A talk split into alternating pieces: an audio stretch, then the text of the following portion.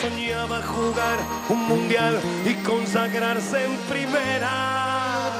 Tal vez jugando pudiera a su familia ayudar. ¡Grande Diego! Torque Lab. EAE Business School patrocina aquest espai. Que el Barça d'ahir no es va semblar de res. Afortunadament, el que va guanyar el Bernabéu al partit de Copa de fa dues, dues setmanes llargues és una evidència que ara comentàvem. Però per què? Ricard Torquemada, bona tarda. Bona tarda. A veure, ahir vam veure un Barça, no als 90 minuts, però sí una gran part, dominador, instal·lat en camp contrari, responsable amb la pilota... Vaja, en definitiva, jo m'atreviria a dir que superior al Madrid, res a veure amb aquell equip eh, atrinxerat a, a l'àrea pròpia que vam veure al, al partit de Copa. Això, evidentment, respon a un pla de partit de Xavi. Eh, qui- quins trets principals li veus en aquest pla de, de partit per, perquè el Barça hagi girat com un mitjó davant del mateix rival? Bé, eh, primer eh, hauríem de diferenciar fases de partit, no? Probablement a partir del 0-1 pel Barça és més senzill perquè el Madrid ja no va a dalt, ja es repenja al darrere, intenta gestionar l'avantatge per, per intentar sorprendre per transicions. Però si ens plantem el primer quart d'hora de la primera part i el primer quart d'hora de la segona part, que jo crec que són els moments on el Barça eh, s'expressa millor en pilota, col·lectivament, on fa tot això que has dit, Jordi, eh, la gran diferència respecte al Bernabéu és que l'equip va, no va perdre la pilota. Eh, em sembla que Carles Domènech ahir al laboratori comptabilitzava 11 pilotes perdudes els primers 45 minuts. Eh, per tant, va saber sortir de la pressió. El Madrid va començar a pressionar a Nadal. Mm. El que passa és que a partir del 0-1 va rebaixar la pressió, però aquells 10 minuts o 8 eh, que marca Vinícius, el Barça ja eh, fa, eh, durant aquells 8 minuts fa un partit on se sent còmode i supera bé la pressió alta del Madrid, que és el que no va passar al Bernabéu. Al Bernabéu al Barça li va costar molt lligar, tres passades, quatre. I jo crec que ha un factor per mi, diríem que determinant, que és la presència de Lewandowski. Al Bernabéu el Barça no va poder tenir un nou que pugui jugar d'esquena, que pugui rebre la passada dels, de la, dels defenses per superar línies quan el Madrid gairebé igualava home a home. Quan, quan els rivals igualen gairebé home a home, eh, l'única solució que tens és buscar una passada llarga, un allunyat, perquè et jugui i t'activi un tercer home o per eh, eliminar les línies de pressió que et guardi la pilota i atacar amb la segona línia. Eh, també al laboratori eh, he estat mirant dades que el Carles va recollir ahir eh, Lewandowski rep quatre pilotes de Ter Stegen, quatre de Christensen i dues de Koundé. Són 10 passades que van directament de la primera línia a l'última línia. Eh, I aquestes eh, jugades bàsicament són en pressió, perquè quan el Madrid va decidir no pressionar no calia fer aquesta passada. Clar, si tu tens un jugador com Lewandowski que et permet tot això, l'equip eh, pot sortir de la pressió més fàcil. Si a més afegeixes que hi entra Christensen, que probablement és el central més ben dotat a la lectura de la sortida i a l'hora de dividir, de buscar l'home lliure, eh, jo crec que les coses es come comencen a entendre's. Tot i això, el Barça a l'última mitja hora, o els últims 20 minuts, si vols, ja es va semblar més al Bernabéu perquè va tenir dificultats per trobar línies de passada sí. obertes, per, per fer valer les superioritats numèriques, i quan l'equip s'encalla amb la pilota i no troba aquesta passada o la perd molt aviat perquè els, el Barça comença a perdre aquesta possibilitat de multiplicar la passada i d'activar la circulació, clar, en la pèrdua l'equip ara eh, doncs, li toca defensar-se a, a camp propi. Tots els partits que el Barça ha jugat més a camp propi és perquè amb la pilota l'equip no ha fluït i, i jo crec que les, les, les incorporacions respecte al Bernabéu d'ahir eh, ajuden molt. Uh -huh. eh, sí que és eh, cert, i ho, dius, i ho deies ara, eh, Ricard, que hi va haver fases de partit i que, per exemple, l'última mitja hora eh, és el Barça del Bernabéu, probablement, el que podríem trobar-nos, probablement no, no, no, tan, no, tan endarrerit, no tan exagerat, perquè ja van ser 90 minuts. Més i va ser mitja hora i, però, però no sí. tan aculat. Però havia tornat a perdre una mica el control del partit. Sí, sí. Eh, clar, però el que vam veure a la resta de partit, que no va ser aquesta última mitja hora, també ens demostra d'alguna manera que tu hi afegeixes, si tens Lewandowski, però també amb els quatre que tenies ahir al mig del camp, és a dir, amb Sergi Roberto o amb Cassier, bueno, precisament Cassier apareix quan ja no ho pots controlar, però sí que es pot controlar el partit amb aquest mig del camp també. Sí, clar, perquè és una qüestió de contextos, no? Clar, el Bernabéu va jugar Ferran. Ferran és un jugador molt més eh, hàbil per anar a l'espai mm. que no per jugar d'esquena a porteria. Ferran és molt difícil que, els, que li guanyi un duel eh, físic, una disputa militar o Rudiger d'esquena, quan els centrals van a la cara.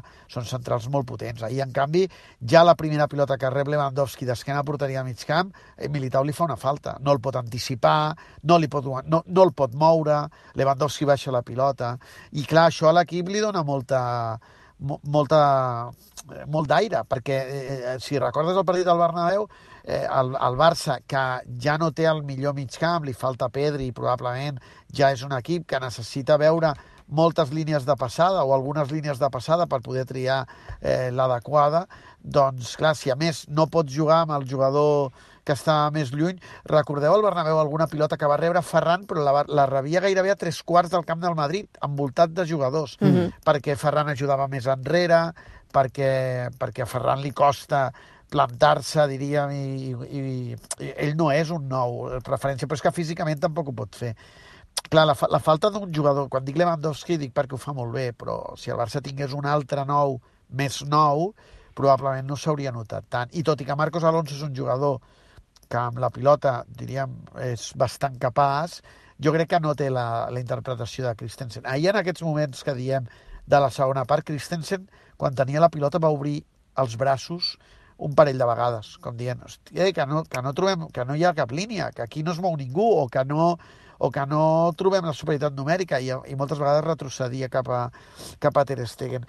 Jo crec que, que no, no tot respon a això, no? també respon a que Sergi Roberto es va moure molt bé i ahir va estar especialment precís, eh, a, que, a que De Jong continua ocupant molt espai, probablement no és un futbolista d'un o dos tocs segur, ni és posicional, però, però fixa sempre que té la pilota fixa un rival i per tant genera un avantatge o el supera. Eh, bé, eh, eh, clar, els partits no són iguals perquè els contextos no són clavats perquè els actors no són els mateixos, no? Eh, i probablement perquè el resultat ahir es va moure més que el Bernabéu. El Bernabéu va ser un monòleg perquè el, al Madrid no li anava bé el 0-0, no li anava bé el 0-1 i no ens vam moure d'aquí. I en canvi hi ha alternatives al resultat que fan que, que els paisatges de partit vagin variant.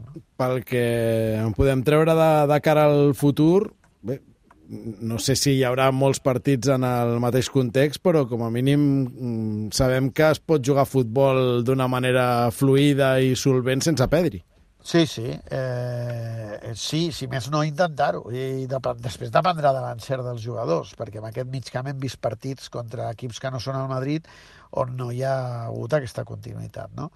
Eh, però sí, eh, la veritat és que ahir vam trobar un equip insisteixo, en aquests primers quarts d'hora de pa, cada part, però, sobre, però la primera part diria que tot, durant tota la primera part, encara que fos un escenari incòmode perquè el Madrid estava més replegat, que la, la, la pilota va, va volar. Jo, jo crec que el partit va estar molt ben treballat eh, en general, no? i que hi havia algunes qüestions que el Madrid no, no va captar, no? aquestes desmarcades de Rafinha diagonals a l'esquena de Nacho o per davant de Nacho, on va rebre moltes passades, els migcampistes que aquesta passada diagonal la tenien com molt fotografiada i de seguida la buscaven, eh, aquest, aquest punt de suport amb Lewandowski, eh, la profunditat de, de Valde, però tot això necessitava que l'equip sortís de la primera pressió i pogués eh, jugar la pilota. Si a més a més ahir li incorpora una responsabilitat i una paciència que no hem vist en altres partits, un rigor, allò que diu Xavi, de ser pulcre, eh, de tenir al cap que els atacs havien de ser llargs, quan és un equip que normalment aquest ataca curt, no, no, no és gaire, eh, no està gaire acostumat a atacar llarg, probablement norm, només contra el Madrid, on, on possiblement sap que això li fa molt mal al rival, on la responsabilitat de perdre una pilota eh, és molt alta eh, i per tant s'ajunta, diríem, una idea de dir, és que avui no hi ha negociació possible, és que avui això va per aquí i cada cop que tu t'hi sents bé i veus que el rival pateix, doncs la cosa avança. Eh, és un partit similar al d'Aràbia Saudita, mm. amb una diferència, que probablement a Aràbia Saudita hi havia doncs, Pedri i, per tant, un punt més de talent individual però el partit jo crec que hi ha moltes fases d'ahir que reconeixem el Barça dominador cada cop que ha guanyat el Madrid. El partit del Bernabéu Mm. de Copa és, un, és una illa. Eh, De fet, eh, el que queda clar és que Xavi d'alguna manera li té presa a la mida aquest Madrid. Quatre victòries en sis partits en els que Xavi ha estat a la banqueta blaugrana. Eh, clar, de cara a l'escenari de tornada de Copa, t'imagines que Xavi tornarà a plantejar tres quarts del mateix Sí. i no sé si Ancelotti haurà de moure fitxa.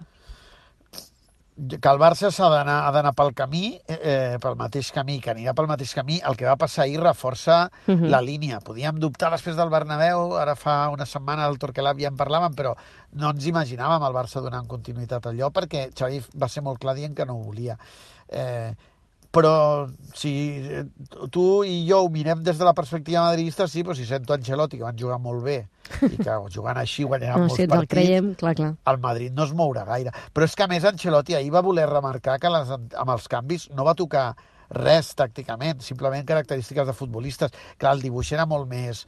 Eh, estava molt més desestructurat perquè Rodrigo no és un interior i aleshores no treballava ben bé com un interior, sinó gairebé com un segona punta. Amb els Però- canvis, el Madrid gairebé va fer el mateix que el Barça, una mena de quadrat, eh, alliberant una de les bandes. Des Sí, de... però en canvi Ancelotti el que diu a la roda de premsa quan parla d'això i Sí. vol destacar-ho i remarcar-ho, i a mi em va cridar l'atenció, és que no havia canviat el Sí, dibuix. sí.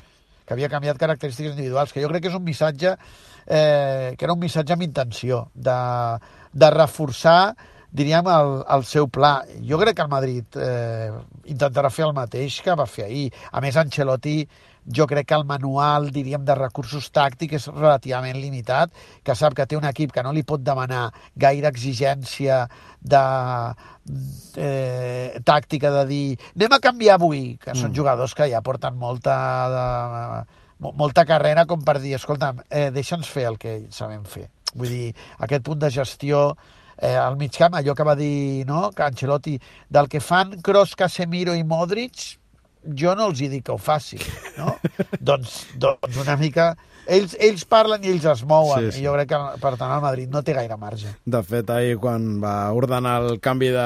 Bé, el que ell diu que no és un canvi de dibuix, però en l'entrada de Rodrigo, eh, Kroos, va, eh, Kroos, perdó, Modric va començar Sí. a gesticular Sí, perquè no sí. entenia res o no li agradava Sí, sí, res sí. del que li estaven Sí, dient. sí, sí. Va Bé. ser, una, va, ser una, va ser un gest molt l'expressió de Modric obrint els braços com dient què m'estàs explicant ara? Ara no? entra un tio aquí i m'està dient a tu? mi on m'haig de posar. jo? Sí, sí.